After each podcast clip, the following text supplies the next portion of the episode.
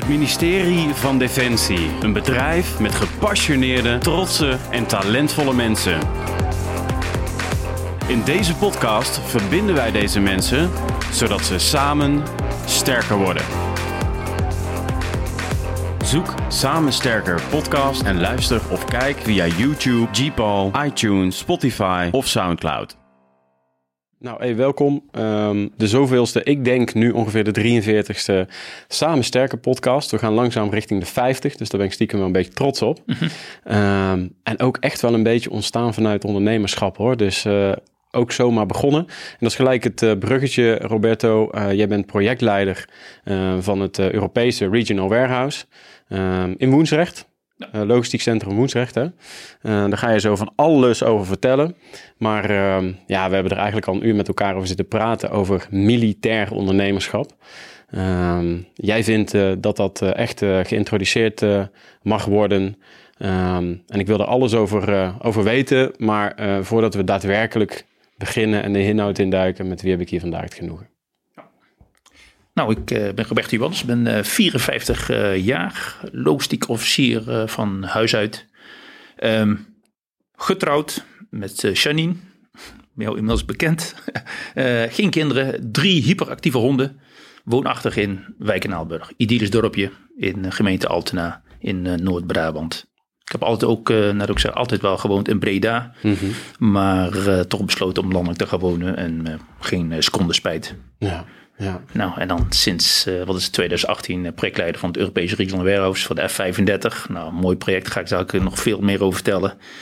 Uh, sportief aangelegd, altijd al. Ik heb alle sporten gedaan. Mm -hmm. fitness en nu is het met name kickboksen en uh, muay boksen. Dus, ieder, ja, dus, dus in Nederland muay boksen, maar ook ieder jaar, in ieder geval voor de COVID, altijd ieder jaar naar Thailand. Om Mhm. daar, uh, ik had daar een, een, een Koyenooi, een, een sportschool. En ik had Muay Thai boksen. En, uh, en daar stond toch wel ja, bepaalde dingen gewoon centraal. Hè? Dus met Muay Thai boksen, alles gaat om balans. Alles gaat om strategie. En alles gaat om sowieso volharding. Je moet gewoon, het is best wel, mm -hmm. soms krijg je best wel een klap. En dan moet je toch wel doorgaan. Ja. En dat is toch wel een beetje de rode draad in mijn leven eigenlijk geweest. Ja. Dus de balans tussen, tussen privé en werk. Ja. Uh, strategie, ik heb altijd een plan als ik iets doe. dus, uh, en, en ja, volharding is, ja, ik maak graag af wat ik mee bezig ben. Dus ja. afmaken. Ja. Heb je dit ook meegekregen vanuit jouw opvoeding? of is dat op latere leeftijd ontstaan, deze wijsheden, volharding, strategie, balans? Nou, in ieder geval, dat, het zat er volgens mij altijd wel in.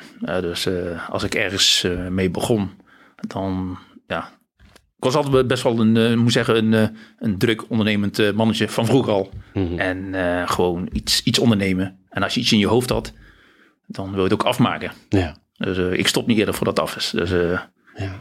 Heeft voordelen, maar ook nadelen. Hey, en kijken naar het bedrijf. Het is een Samen Sterker podcast. Ik heb hier allemaal veranderaars die, uh, uh, die opstaan. Die zeggen van ik, ik zie kansen, mogelijkheden. Ik denk ik denk wel allemaal mensen die het, het, het, stuk ondernemerschap wel bezitten. Um, want als je kijkt nu, jij zit bij het CLSK. Um, waarom willen we en moeten we volgens jou binnen Defensie veranderen? Ja. Wij, um, laat ik eens mee beginnen. Zo, want daar is ook de Defensievisie 2035 eigenlijk op gebaseerd. Hè. We leven in een veranderlijke wereld en dus wij moeten mee veranderen. Daar heeft toen uh, ons uh, CDS, uh, dus generaal Onno Eigensheim, daar heel veel over gesproken over de visie, visie 2035.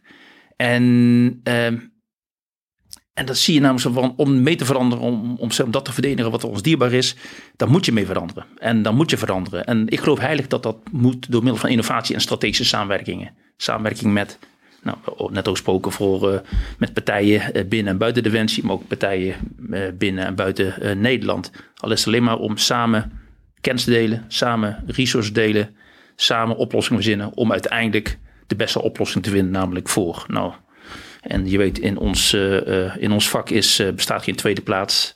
Dus je moet altijd beter zijn dan je vijand. Ja. En een tweede plaats is over het algemeen niet zo gezond. Dus... Maar wat is er nu dan anders dan uh, 15, 20 jaar geleden?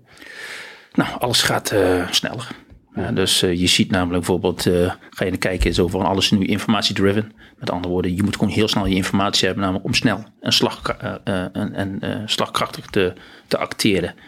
En, en vanwege die snelheid om toch vooruit te lopen, ja, dan moet je, dan moet je mee veranderen. Dan ja. moet je gewoon mee veranderen. Ja.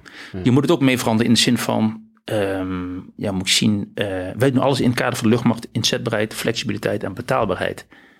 Dus met andere woorden, het geld namelijk is niet oneindig. Dus alles wat je doet namelijk, het kan slimmer, het kan optimaler. Mhm. Dus steeds om te kijken waar zit het optimale, waar kunnen we die bijdrage leveren, namelijk waardoor we nog meer uh, zeg maar, inzetbaarheid heb, hebben, nog meer flexibeler kunnen acteren daar waar het nodig is ja. en gewoon betaalbaar. Ja, ja, ja, Jij houdt je voornamelijk bezig, zeg je nu, hè, daar heb je ook over geschreven, daar hebben we een telefoongesprek over gevoerd, over dat uh, militair ondernemerschap. Dat is echt een term die jij uh, wil introduceren binnen Defensie.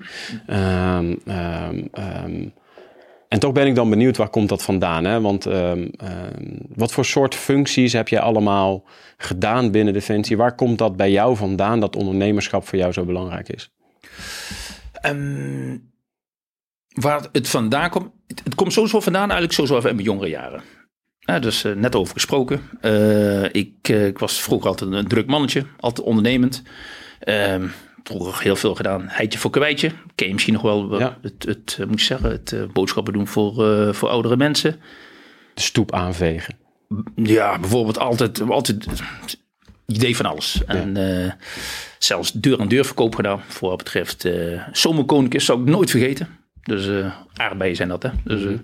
en volgens, ik wist gelijk namelijk, hey, waar, waar, waar zaten mijn grootste afnemers? En dus daar was ik ook vaak met, met, met mijn treedje. Dus er zat altijd wel een soort, soort, ondernemer in mij. Ja. Uh, Kansen en mogelijkheden spotten. Ja, inderdaad. Met name bijvoorbeeld heel veel verkennen waar zitten de kansen. Ja. En, uh, en dan vervolgens die kansen ook zeg maar aangrijpen. Ook om te kijken van, hé, hey, wat hebben we voor me nodig? Maar dan ook, ook gewoon doen. Ja. ja. dus met andere woorden ook, ook die stap uh, nemen ze van, oké, okay, ook uitvoeren. Zo van, ook wat je in gedacht hebt. Ja. En uh, dat zit er altijd in. Dus zo zijn we ook, uh, civiels ook iets begonnen. Mm -hmm. dus mijn vrouw is, heeft in Italië gestudeerd. beide een passie voor Italië. Misschien heet ik daarom ook Roberto, want toen ik zo was, liep ik al in Italië.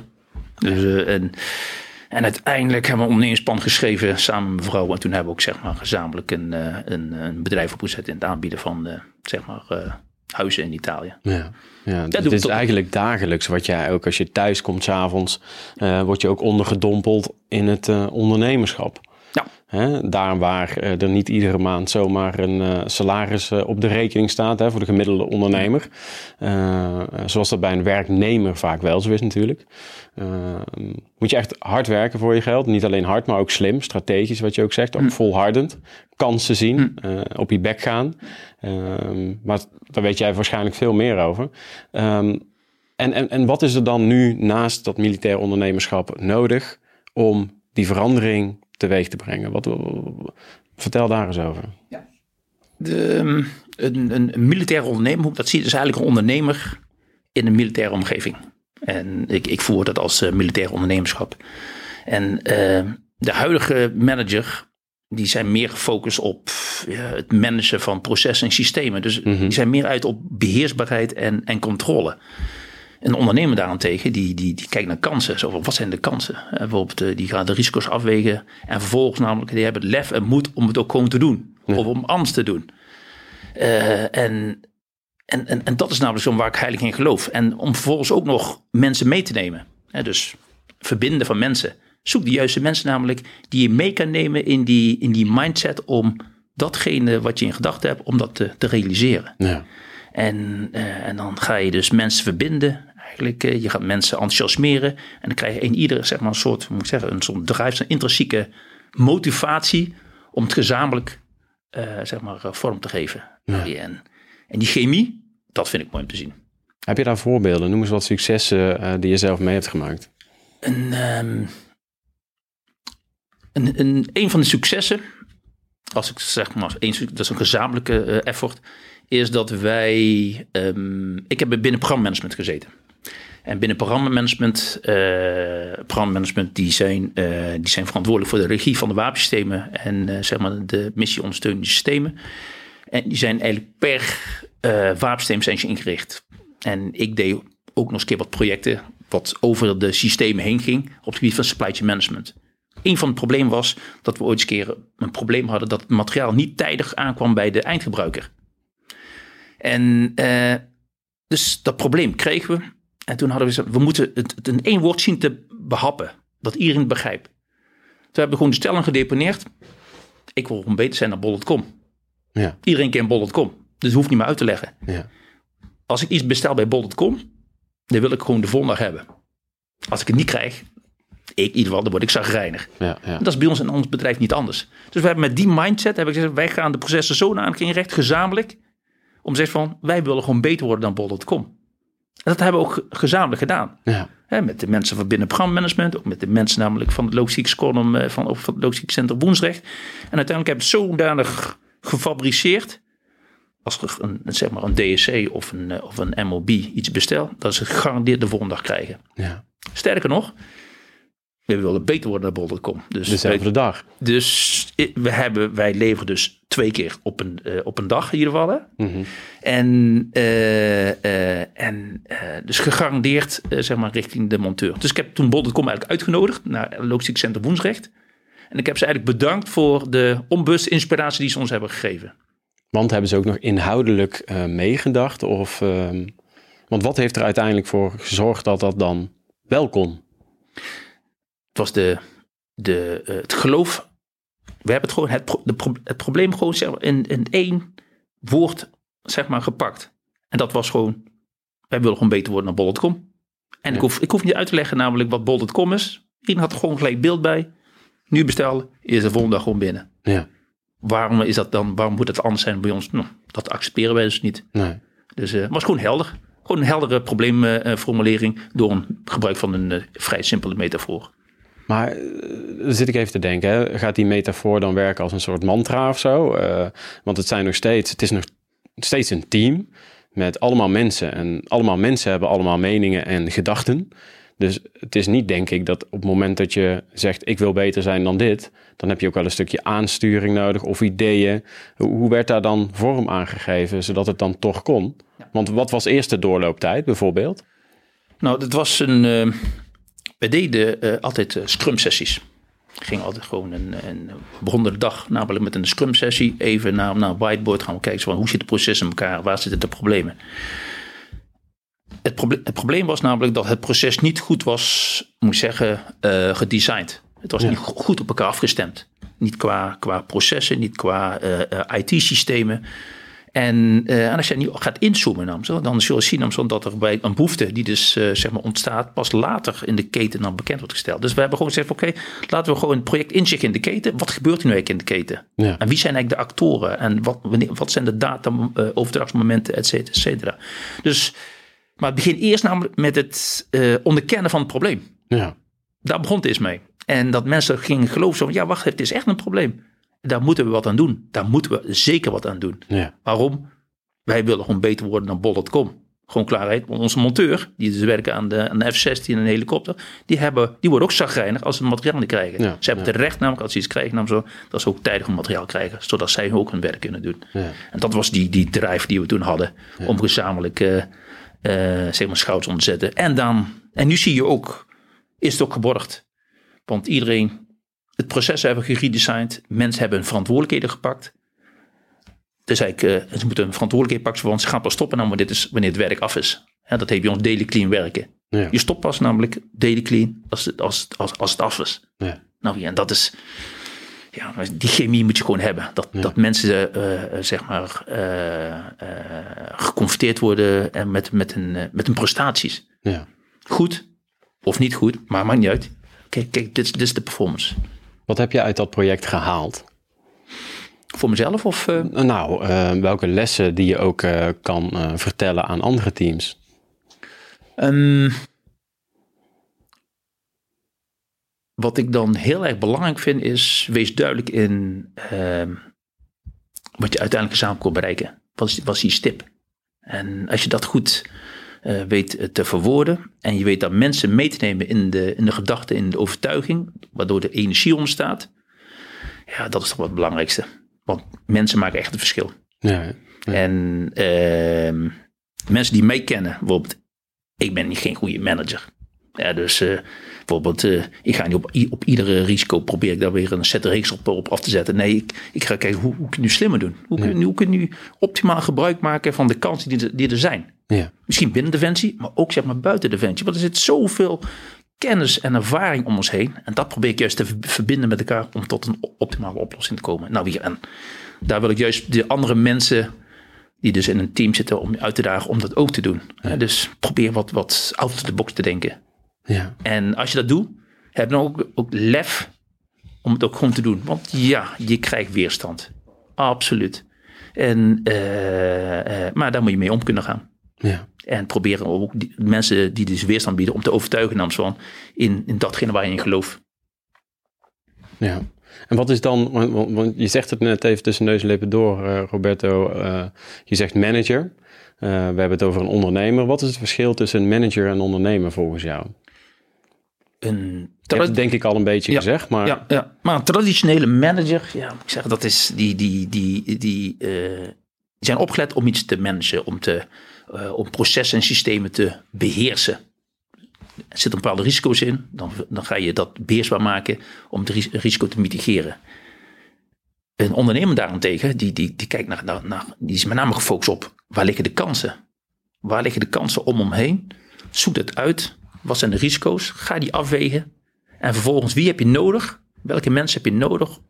En, om, en, en welke mensen wil je met elkaar verbinden om het uiteindelijk tot het resultaat te komen? ja. Om het ook uiteindelijk gewoon te doen. Dus eh, ik zou ook altijd, en tot vervelens toe van mensen om me heen, gewoon, mijn, mijn credo is altijd gewoon doen. Gewoon uiteindelijk een plan maken en dan gaan we het gewoon doen. En ik stop pas wanneer het klaar is. En als het dan misgaat, wat dan? Dat kan. Want Maar daar zijn mensen vaak bang voor. Dus ik ben benieuwd wat je dan... Eh, sommige dingen gaan goed, ook sommige dingen gaan ook niet goed. Dat is ook bij mij gebeurd. Is eh, absoluut. Sommige dingen gaan dus niet goed. Een goed voorbeeld is, in mijn vorige functie was ik programmamanager van de Cougar helikopter.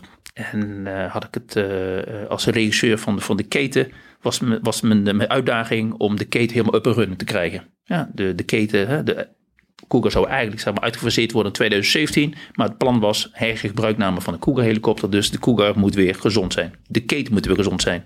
Hebben we gezamenlijk gedaan. Eh, met eh, Logistiek Centrum Woensrecht, Demo de- en was erbij natuurlijk en DSC als de, de operationele klant. Gezamenlijk hebben we gedaan. Nou, we hebben de bemanning is weer goed. genoeg mensen, namelijk technisch logistieke mensen. De contracten zijn weer goed voor het materiaal. Dus we konden vlieguren maken. En eh, dus dat ging allemaal goed. We hadden ook een contract afgesloten namelijk voor het hoge onderhoud van de Cougars. En had ik dat helemaal belegd namelijk bij een operationele onderneming. Mhm. Het contract zat heel goed in elkaar. Ik had alleen ik had één ding over het hoofd gezien. En we werden ge- geraakt namelijk de pandemie. Ja. En toen, ja, en toen ging het niet goed namelijk met, de, eh, met de ondersteuning eh, vanuit eh, de, de, de, eh, vanuit de industrie. Met als gevolg namelijk dat de onderhoud namelijk eh, te- ja, niet op dat niveau was. eh, waardoor de Cougar namelijk voldoende beschikbare kisten had. En Nou, dat hier- had te maken met iets van capaciteitsproblematiek, Ja, kan ik me voorstellen. capaciteit inderdaad vanwege COVID. Ja. En, eh, en, en, en dat hele, dit was gebeurd veel later dat ik, eh, zeg maar, toen was, was ik een ander project gegaan. Maar ik voel het nog steeds eigenlijk als falen eigenlijk. Want ik, hmm, had ik hier niet zeg maar een plan B moeten verzinnen, omdat ik toch nog, eh, eh, dus dat ik hier rekening mee moet, moet, had kunnen houden, namelijk om te zeggen, oké, als dit gebeurt, dan had ik dit soort iets alternatief, dat ik een soort core binnen Defensie had zeg maar, in moeten regelen. Ja, Ja. maar daar moet je van leren, inderdaad. Ja, ja. Nou ja, ik- en toch, hè, de, de manager, ondernemer, als ik, als ik kijk, ehm, volgens mij leiden we eh, leiders op, hè? Binnen, binnen een KMA, binnen een KMS, eh, binnen een KIM. Eh, wat is dan een leider eigenlijk? Gewoon even filosoferend met jou. wat ja. is daar dan het verschil in? Ja, dat is een, een hele goede vraag. Want een leider is sowieso al geen. Een, een leider is eigenlijk een, een, een, een, een, een, een groter begrip eigenlijk. Want in een leider zit eigenlijk alles. Want in een leider namelijk zit, eh, zit een manager, maar zit ook de ondernemer eigenlijk. En zit, eh, eh, dus ik zie een, een, een leider moet eigenlijk allerlei aspecten hebben, namelijk als ondernemer en manager, et cetera. Dus, Ja. en ik zie namelijk een, een, een, een, een ja, ondernemer is een onderdeel van. Want, je- want je kan niet blijven pionieren, want er komt een momentum Ja, dat dat je het op hebt gezet. En dan moet het wel voortgezet worden. Dan moet het gemanaged worden. Ja. Maar niet helemaal dichtgooien in ieder geval. Want dus alle aspecten moeten dus wel in zo'n leider zitten. Ja. Absoluut. Ik Begrijp je wat ik bedoel, of ja, ja, ik denk het wel. Ik denk het wel. En om nog wat meer eh, woorden te geven. Ik eh, kan me nog herinneren het podcast met Jeroen Huls. Ik weet niet of je hem toevallig gehoord eh, hebt. Ehm, en toen hadden we het over verschillende vormen van leiderschap. En we kennen natuurlijk het wat meer oudere leiderschap. Hè? Toen we nog vochten van staal op, scha- op staal. Toen moest je gewoon luisteren naar de leider. En Tegenwoordig praten we meer in termen zoals faciliterend leiderschap, eh, accountable leiderschap. Ehm, ehm, en ik denk dat dat ook heel erg raakt, accountable leiderschap. Ehm, hij had een heel mooi zinnetje dat je iemand wel mocht helpen. Dat is niet precies de zin die hij zei. Maar je moet ook iemand op zijn bek laten gaan. Je moet niet constant iemand eh, in kennis stellen dat die kuil daar is. Nee, af en toe moet je iemand ook laten vallen. Ehm, ehm, dus accountable leiderschap ehm, is eigenlijk dat je, en Jeroen kan het veel mooier vertellen, dus eh, scroll vooral naar die podcast als je daar interesse in hebt. Ehm, maar dat is dat je mensen dus verantwoordelijk maakt voor hun eigen zaak. Eh, en dat hoor ik jou ook zeggen. Hè?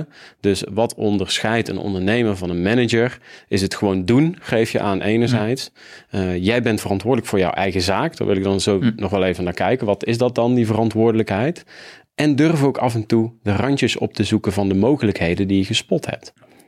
Dus, dus, dus, nou, dus ehm, kijkend naar eh, dat begrip ondernemerschap, want ik denk persoonlijk ook als ik zie naar al die mensen die in deze podcast zijn geweest, zijn het allemaal militair ondernemers. Dat durf ik wel te zeggen. Daarom hebben ze ook bereikt wat ze bereikt hebben. En dat uiteindelijk wij zeiden, kom dat eens vertellen in deze podcast. Net zoals dat jij dat doet. Dan gaan we zo ook nog even naar kijken naar het F35 stuk en het warehousing. Ehm, maar dan geven we voor filosoferend op dat stuk ondernemers, ondernemerschap. Wanneer is iemand verantwoordelijk? Hoe krijg je het voor elkaar om iemand verantwoordelijk te maken voor zijn eigen zaak, terwijl het niet zijn zaak is? Eerst moet een, eh, moet ik zeggen, een militair ondernemer, die moet die verantwoordelijkheid pakken. Maar eerst moet er een systeem zijn dat, dat, zeg maar, dat dit wordt gefaciliteerd. Dus met andere woorden, dat je die vrijheid krijgt. Dus die speelruimte om te, te kunnen onder- ondernemen. Dus denk bijvoorbeeld aan het verkrijgen van budget of het verkrijgen van eh, eh, bepaalde middelen. Dus het is sowieso... er moet Of gewoon vertrouwen. of vertrouwen. Er moet Ja. een systeem zijn namens van dat dat wordt gecreëerd, dat, die, dat, dat mensen dan die, die verantwoordelijkheid eh, willen pakken. Ja.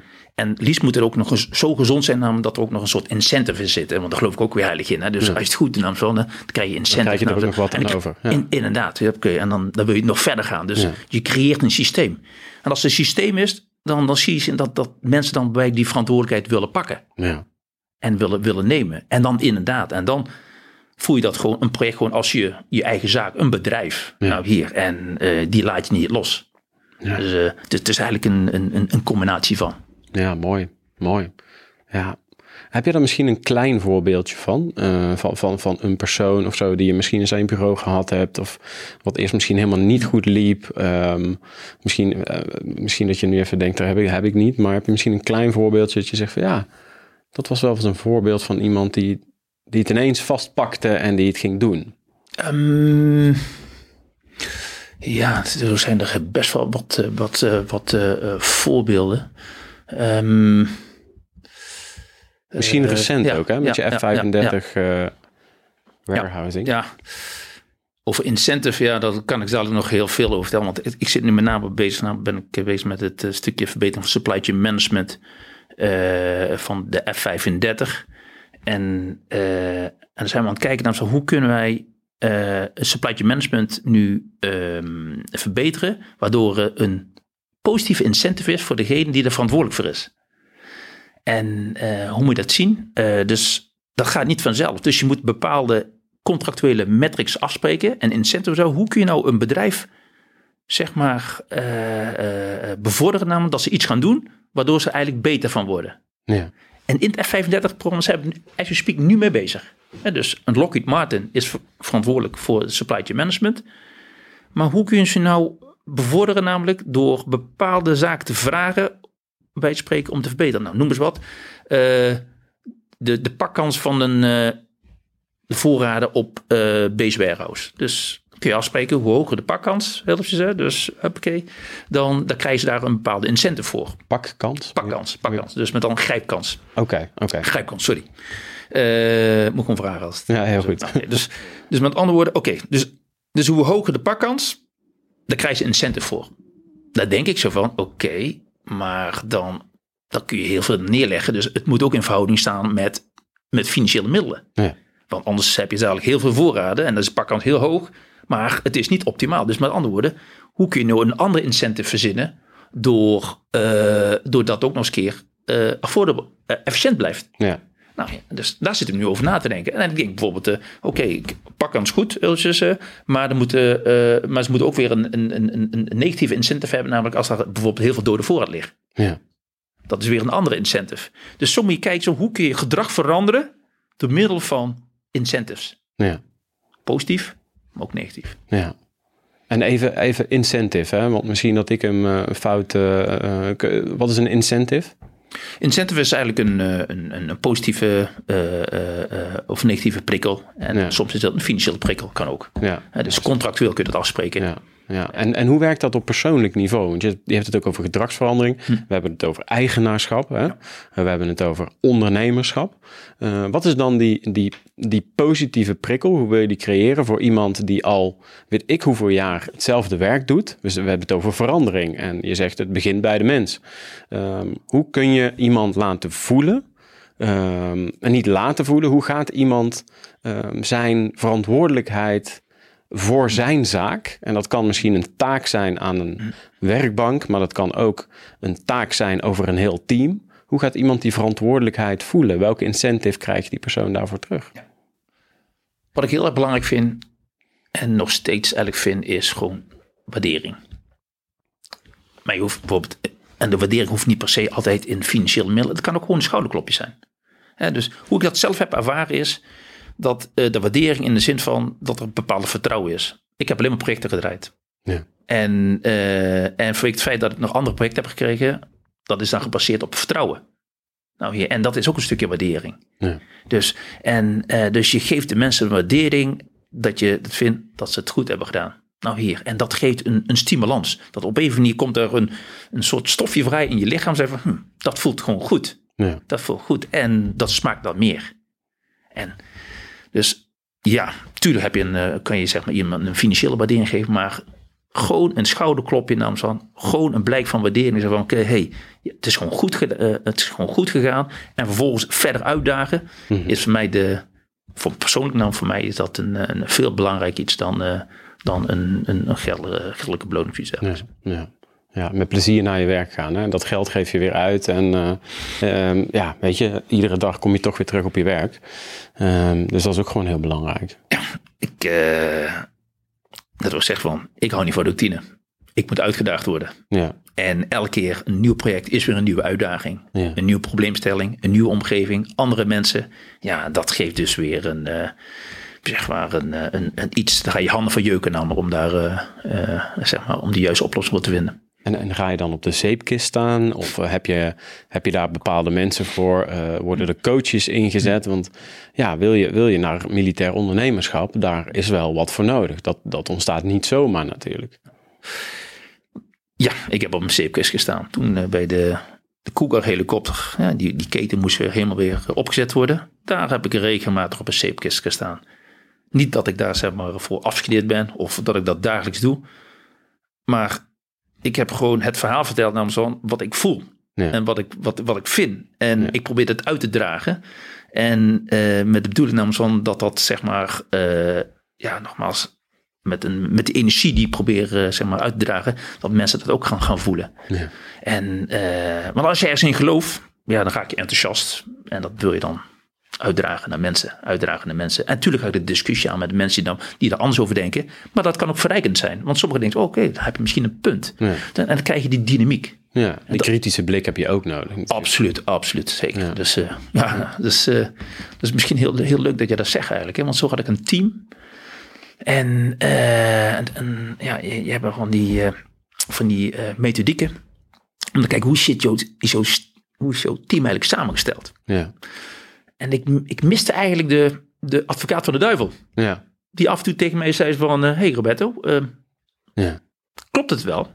Dus heb ik tijdens de sollicitatieronde, had ik iemand juist daar juist op geselecteerd. Ja. Ik moest een, iemand, één advocaat van de duivel, moest naar binnen halen, die af en toe eens een keer zei, hey Roberto, waarom dit? Mhm. Of hey Roberto, waarom dat? En toen kreeg je die chemie, is prima. ja, mooi. Ja, Ja. Dus, eh, en als we nu kijken naar eh, F35, eh, Regional Warehouse, daar gebeurt van alles natuurlijk.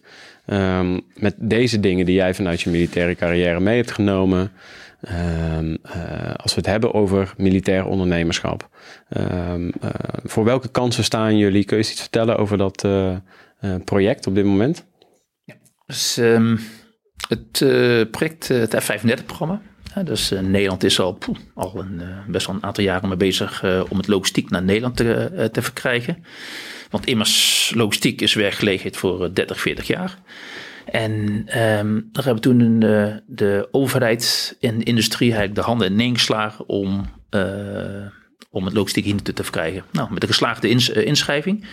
En dan voor de mensen even als aanvulling, eh, en vul mij aan, dan hebben we het over de bevoorrading van onderdelen voor onze nieuwe fighter, de F-35. En dat doet Nederland vanuit Woensdrecht voor heel Europa. Ja, klopt. Dat is waar we het over hebben. Ja. We zijn dus geselecteerd eh, om die, eh, het Europees Regional Warehouse eh, zeg maar, functie uit te voeren. En dat is inderdaad de opslag van al F-35 ma- eh, materiaal eh, ter ondersteuning van de, alle Europese warfighters. Ja. Eh, en eh, dat is nu eh, eh, UK, is dat Italië, Noorwegen, Denemarken, Nederland, België natuurlijk. Polen is erbij gekomen, Zwitserland komt bij Finland. Dus die F-35-familie wordt alleen maar groter. Ja. En dat gebeurt vanuit Woensdrecht. Dat vind ik al iets om op trots op te zijn. Dat wij als, als Nederland dat, dat, dat mogen doen. Ja.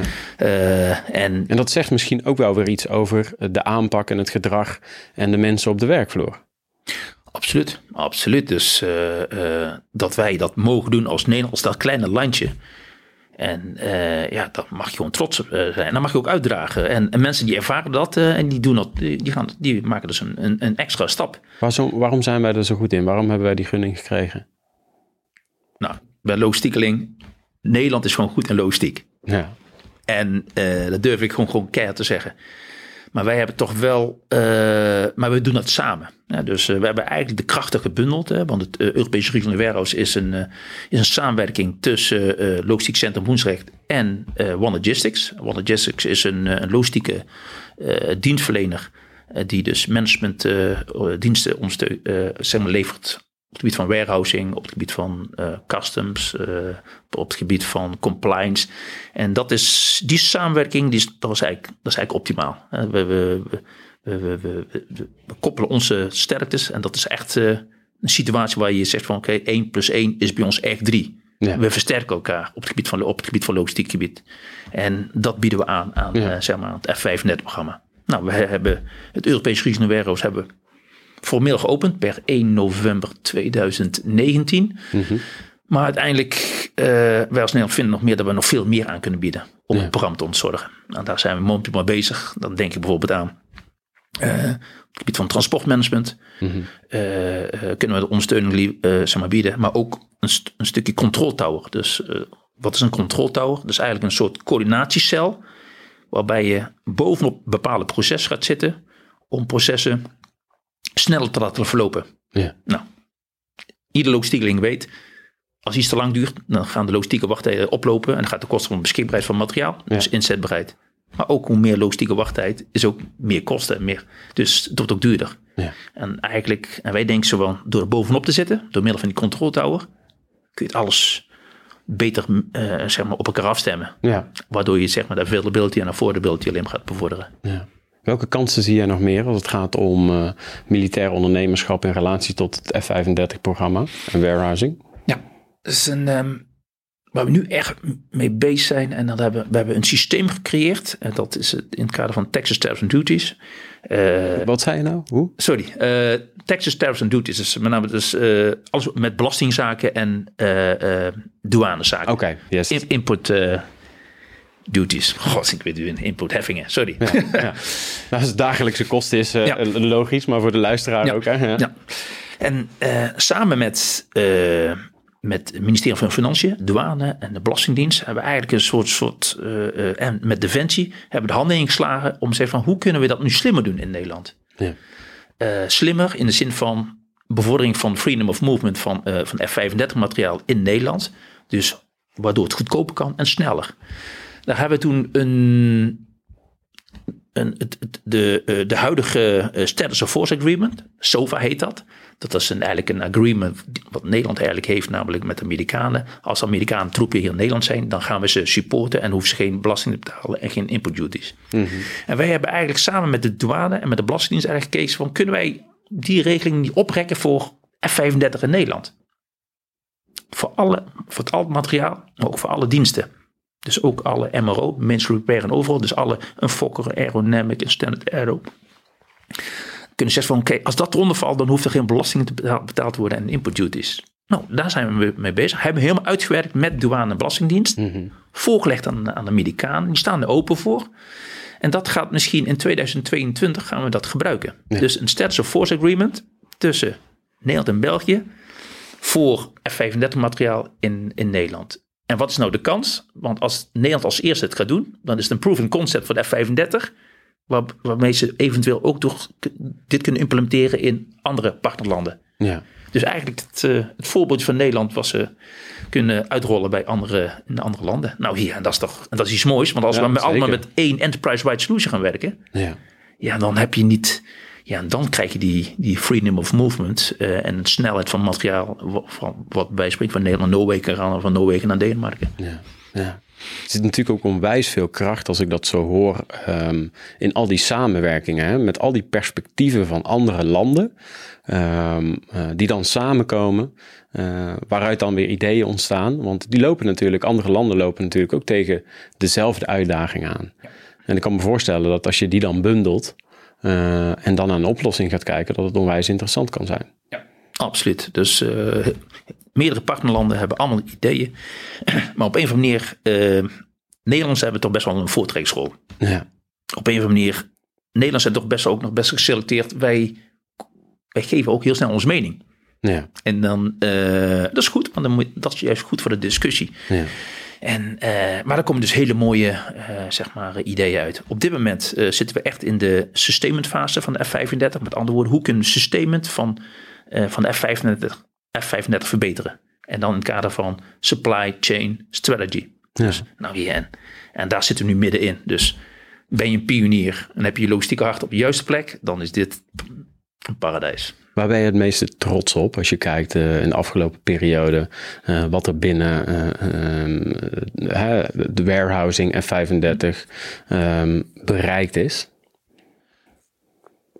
Ik durf wel te stellen dat gewoon de stand-up van het Europese Regional Warehouse, dat we het in gezamenlijkheid hebben gedaan met uh, Logistiek Center Woensrecht en met One Logistics. Waar toch best wel wat in de aanloop best, best wel uh, wat, uh, ja, wat hurdles, wat, wat problemen. Mm Waarom? Het was een contract oplopen met One Logistics was even iets anders. Want normaal gesproken als Defensie gaan we een contract oplopen voor de inhuur van een contractor. Mm -hmm.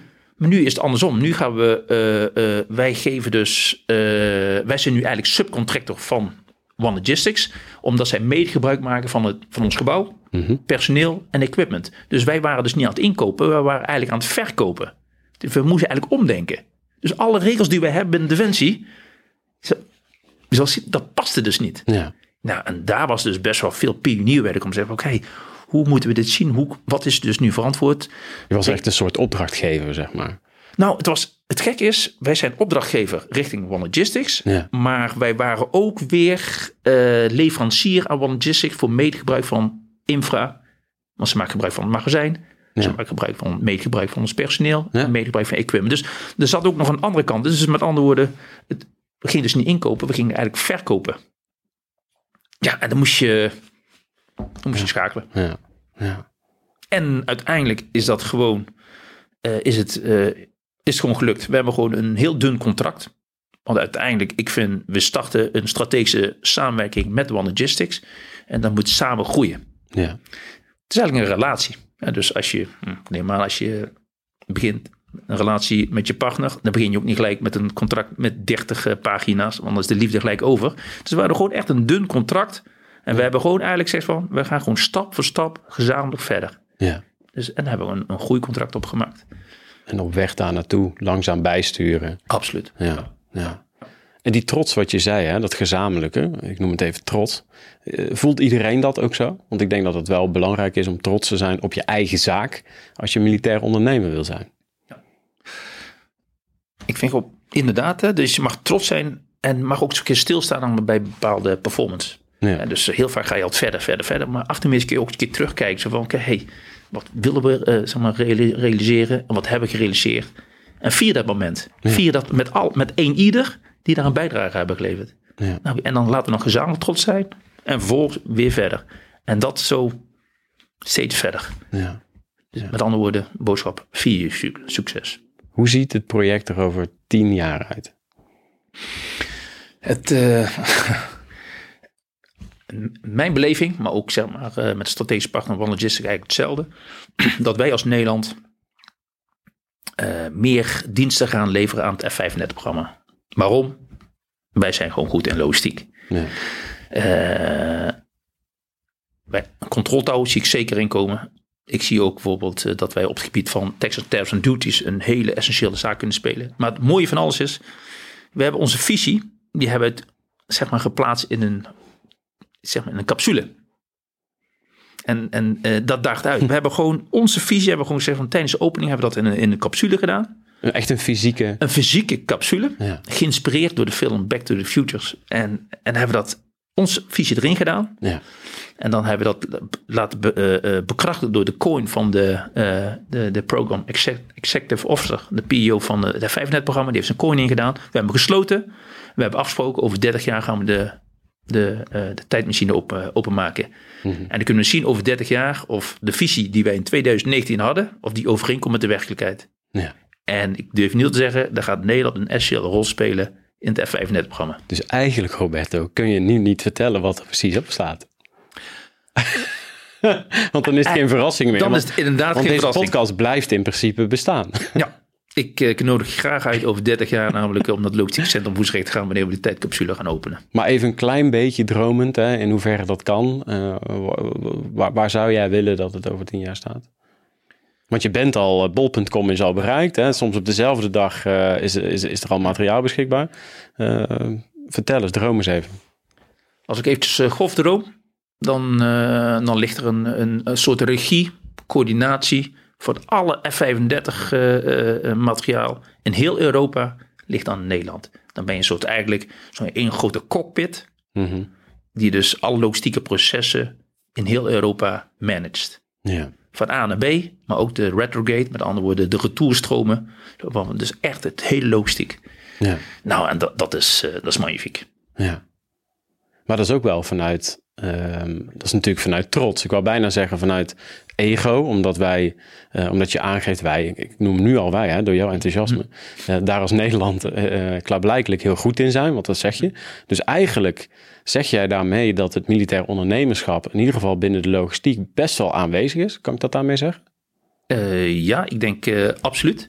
En die mag alleen maar groter worden. Maar ja. inderdaad, er zit gewoon heel veel potentie in. Ja. Ik denk dan, als Nederland doen we het gewoon goed. Ja. Alleen dan mag je best wel staan op de kaart en, en, en, draag het uit. Ja. Want ik, ik heb dan discussies met overgelanden en denk, wow. Denk van, dan moest ik even schakelen. Van, ze denken anders. Maar nu begrijp ik namelijk hoe ze anders denken. Namelijk. Want ja, inderdaad, dat is, Ja. dat is een paar jaar terug in de tijd. Dus uh, voor ons. Dus, uh, en dus, maar dan mogen we best wel uitdragen en ook kunnen uh, delen. Niet zozeer alleen maar van ons ego. Uiteindelijk namelijk wordt het programma effectiever en efficiënter. Met andere woorden, we doen het uiteindelijk namelijk voor de support voor de Wolffighter. Ja. Die moet vliegen. Dus de availability van parts moet gewoon goed zijn. Ja. En liefst ik nog tegen een hele goede prijs. Want Ja. het programma moet ook betaalbaar zijn. Maar dat wil ieder land toch? ja, Toch, inderdaad. die wil toch verantwoordelijk zijn, die wil er toch die werkgelegenheid naar zich toe trekken. Ja, ja. Dat- Maar omdat jij weet dat Nederland hier heel goed in is. Hè? Ik bedoel, eh, ik heb ook een beetje logistiek in mijn bedrijfskundige opleiding gehad. Er kwam vaak wel naar voren vanuit eh, natuurlijk eh, historisch, vanuit de geschiedenis weten wij gewoon dat wij als klein landje altijd onder druk hebben gestaan. Vanuit eh, Rotterdam een goede haven hadden. Dat wij in eh, export onwijs goed zijn geworden. Omdat eh, wij natuurlijk een ideale locatie eh, in de wereld hebben, in Europa hebben, om dat te faciliteren. Ja. En dan nog vanuit historisch perspectief eh, hebben we ook natuurlijk best veel eh, gedaan als het gaat om eh, logistiek. Dus is dat een beetje waarom wij daar zo goed in zijn nu, denk je, hier op Woensrecht ook? Nee, eh, als je de geschiedenis kent eh, van Nederland, we zijn altijd wel een, eh, een, een handelslandje geweest. Dus, eh, en eh, eh, Nederland staat logistiek eh, eh, zeg maar, eh, goed op de kaart, maar ook qua infrastructuur, hoe we het hebben ingericht. Ja. En als we dat gaan combineren, inderdaad, met Schiphol, want Schiphol is een, een essentiële speler in de logistiek. Ja. En ook daar, klein beetje vooruitlopend namelijk op die fietsnaam, die zit er ook in als smart gate. Hè, dus Ja. met andere woorden, dat wordt Schiphol een onderdeel namelijk van het geheel. Ja, Ja. absoluut. Ja. Gewoon Ik hoorde dat inderdaad laatst. Hè. Wij zijn een van de eh, eh, best ingerichte landen als het gaat om logistiek. Hè. Dus de infra van Nederland, eh, we klagen wel eens op de, over de wegen en over de files en over wat allemaal dan ook. Maar blijkbaar is Nederland daar echt een van de beste in. Hè?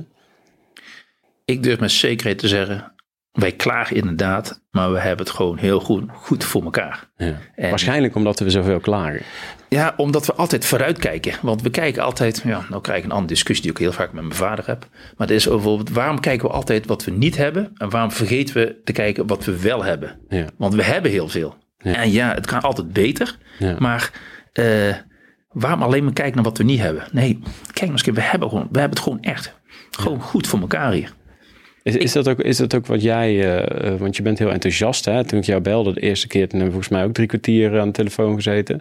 Dus het enth- enthousiasme spat er bij jou vanaf als het gaat om je, om je vak. Eh, is dat ook wat je op die zeepkist doet? Volgens mij zit het, zit het glas bij jou altijd half vol, of niet? Ja, Of zullen andere mensen die nu luisteren denken, ja, ja, dat zal wel, Roberto. soms tot vervelens toe, namelijk hoor ik wel dat, eh, moet ik zeggen, eh, waar haal je die positiviteit vandaan? Dus, eh, dus ik ben niet afwachtend, probeer altijd wat productief te zijn. En, eh, en altijd wel een positieve mindset. Je kan altijd wel kijken naar zo'n denk in, in problemen, ik denk liever aan oplossingen. Ja. Zo van, want er is altijd wel een oplossing. Ja. Dus, eh, en, eh, Zelfs als er geen geld is? er zijn altijd oplossingen. Er zijn, er zijn meen ik echt, ook al hebben we juist, omdat, omdat we juist minder geld hebben, kun je nog pragmatisch denken om op een andere manier namelijk Ja. je doel te Ja, realiseren. dat is mooi. Ja. Sterker nog, wij hebben binnen Defensie heel veel bezuinigd. En je zult zien, Amazon, daar waar wordt bezuinigd, wordt bezuinigd, word je juist creatief. Ja. Word je, dan word je vindingrijk. Dus een goed voorbeeld is, vroeger woonde ik in, in, in Breda. Had ik een klein huisje in, in het Ginneke. En op een of andere manier, het lukte me altijd namens om te managen in dat klein huisje. Ja. Ik had, ik, vervolgens ging ik verhuizen naar, een, eh, naar het grotere huis. En nu staat hij ook weer vol. Dus op een of andere manier, Ja. eh, het lukte me. Je, raakt, je wordt creatief, vindingrijk, als het moet. Ja. En, eh, en dus, dus met andere woorden, dat, dat is die mindset heel. Dat is die mindset. Dus op, op, ik geloof heilig namelijk voor ieder probleem is er een oplossing. Ja. Nou, sterker nog, ik, ik woonde altijd eh, samen, dat is helaas over, maar ik woonde in een mega huis. En ik woon sinds drie maanden in een tiny house, Roberto. Het lukt je. En het lukt me en ik wil eigenlijk niet meer weg. Hier, hier. ik vind het heerlijk.